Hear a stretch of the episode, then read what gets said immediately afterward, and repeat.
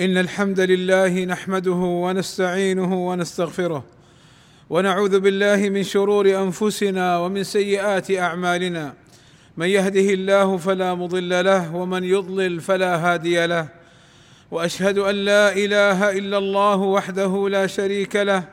وأشهد أن محمدا عبده ورسوله. ألا وإن أصدق الكلام كلام الله. وخير الهدي هدي محمد صلى الله عليه وسلم وشر الأمور محدثاتها وكل محدثة بدعة وكل بدعة ضلالة وكل ضلالة في النار. أما بعد فاتقوا الله عباد الله كما أمرنا سبحانه وتعالى بقوله يا أيها الذين آمنوا اتقوا الله حق تقاته ولا تموتن إلا وأنتم مسلمون. عباد الله يشرع للمصلي إذا صلى أن يتخذ سترة يصلي إليها من نحو جدار أو سارية أو مصل أو نحو ذلك. فقد أمر النبي صلى الله عليه وسلم المصلي أن يتخذ سترة. قال صلى الله عليه وسلم لا تصل إلا إلى سترة. وقال صلى الله عليه وسلم إذا صلى أحدكم إلى سترة فليدن منها أي يقترب ولا يبتعد. لا يقطع الشيطان عليه صلاته.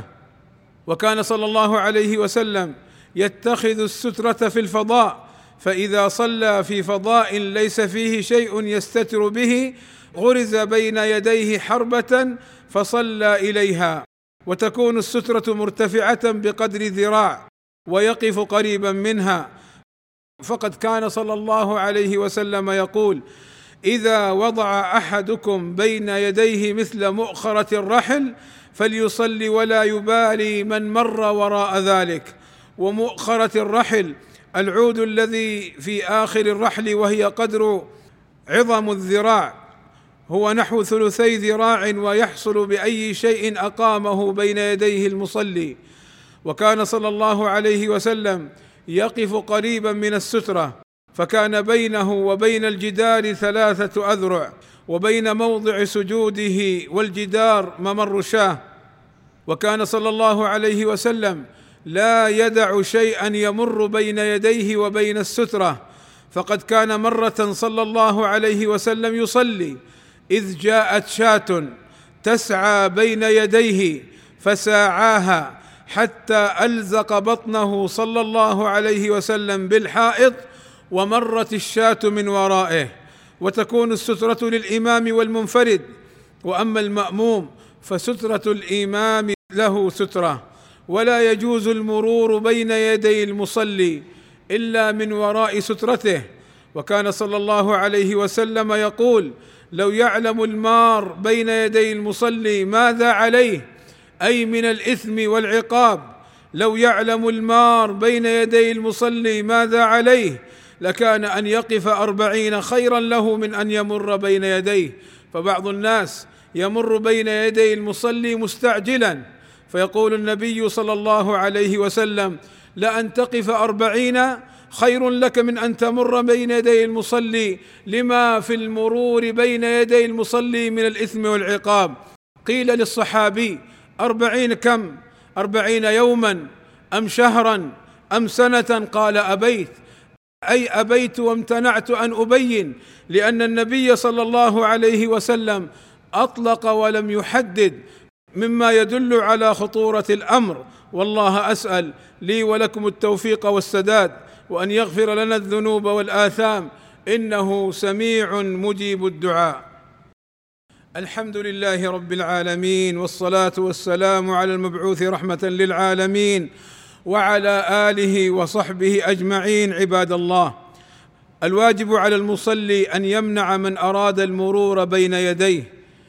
وكان صلى الله عليه وسلم يقول إذا صلى أحدكم إلى شيء يستره من الناس فأراد أحد أن يجتاز أن يمر بين يديه فليمنعه. مرتين فإن أبى فليقاتله أي فليدفعه فإنما هو شيطان. فإذا أراد الإنسان أن يمر بين يديه أحد منعه بيده بأن يضع يده هكذا لينبهه أنه يصلي.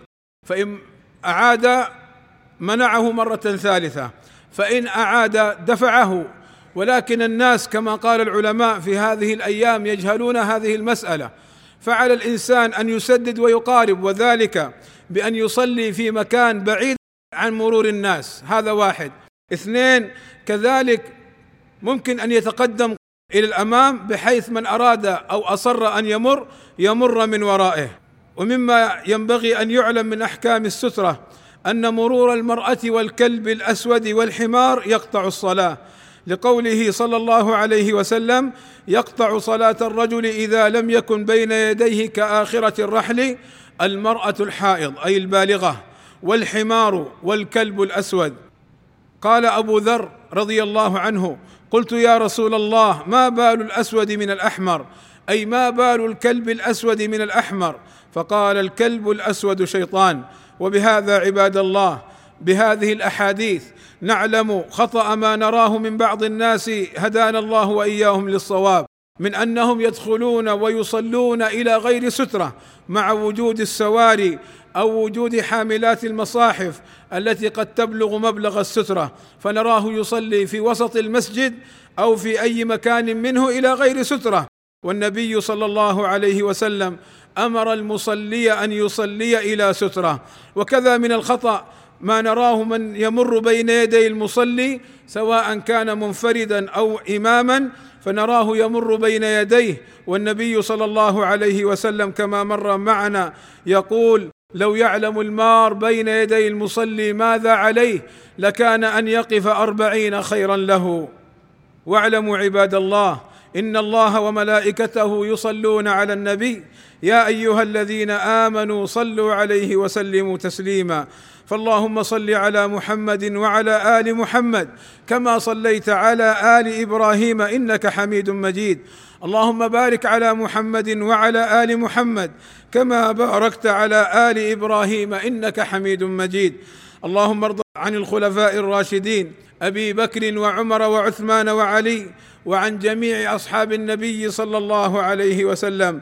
اللهم اغفر للمسلمين والمسلمات والمؤمنين والمؤمنات الأحياء منهم والأموات. اللهم آتنا في الدنيا حسنة وفي الآخرة حسنة وقنا عذاب النار. وصلى الله وسلم على نبينا محمد وعلى آله وصحبه أجمعين. والحمد لله رب العالمين.